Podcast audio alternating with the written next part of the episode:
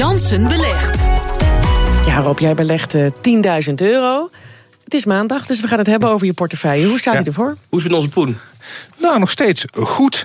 Um, geen bitcoin geen bitcoin gekte natuurlijk, maar je weet dat het eh, bij mijn portefeuille gaat om verstandig beleggen op de lange termijn. En daar hoort die bitcoin niet bij, maar de rendementen uh, op het obligatiefonds, dat uh, wereldwijde, wereldwijde obligaties belegt, zowel van overheden als van bedrijven, die laat een positief rendement zien. De aandelentracker, daar zitten 100 Europese multinationals in, die staat ook in de plus als het gaat om rendement. Maar nog steeds het best presterend is de tracker waarin vastgoedbeleggingen zitten. Die deed het maandenlang heel erg beroerd. Dat kwam omdat toen de rente omhoog ging. Maar die rente die is flink uh, naar beneden uh, gegaan.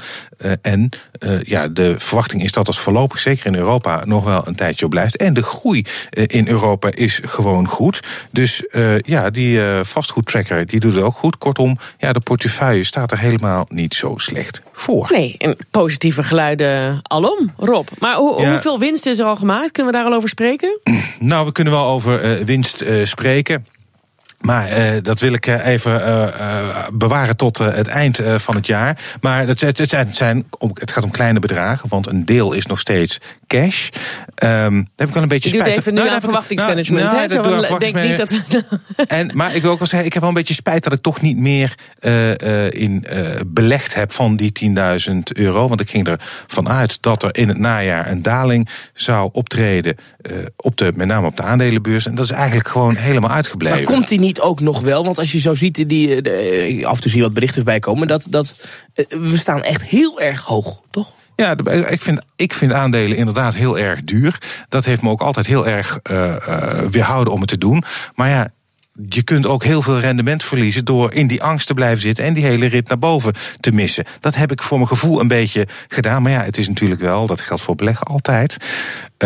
Achteraf beleggen is heel makkelijk. En je kan ook zeggen, nou ja, het is, een, het was een het is altijd onzeker natuurlijk. Op het moment dat je, als je in de paar, uh, sinds mei zijn we begonnen, we hebben een klein beetje winst gemaakt met het gedeelte dat we hebben belegd, dan heb je het vanuit je doelstelling geredeneerd, ja. misschien nog niet eens zo slecht. Nee, gedaan. want je hebt heel lang verlies ge geleden ook. Ja, dat klopt. Uh, het, is, uh, het, is, het is een heel moeilijk moment geweest. We zijn, op het moment dat ik instapte, stond de AEX eigenlijk uh, op zijn hoogtepunt en is daarna ingezakt. En dat geldt eigenlijk voor de meeste Europese beurzen. Dus ja, dat was, de timing was niet geweldig. Nee. dat gezegd hebbend, kun je zeggen, nou, het, het, ja, we mogen niet klagen. Binnen de doelstelling hebben we het misschien niet gek gedaan. Maar want beleggen is altijd een beetje, had ik nou maar. Toch? Had ik nou maar. Bij de bitcoin heeft heel veel mensen dat had ik nou maar. Ik heb dat heel erg bij de bitcoin. Ja, ja, ja dat kan je nooit. Dat is. Uh, Nee. nee. Had ik nou mijn postcode loterijloten gekocht? Weet je, dat is precies hetzelfde. Ja, daarom ja. is het verstandig om van tevoren heel goed te weten,